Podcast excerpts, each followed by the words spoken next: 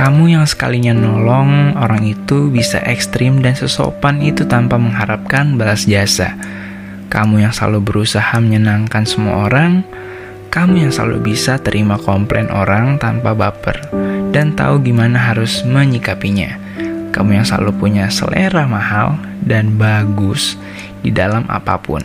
Kamu yang kadang terlalu overthinking terhadap orang yang kamu sayang. Ya, itulah kamu, Leo.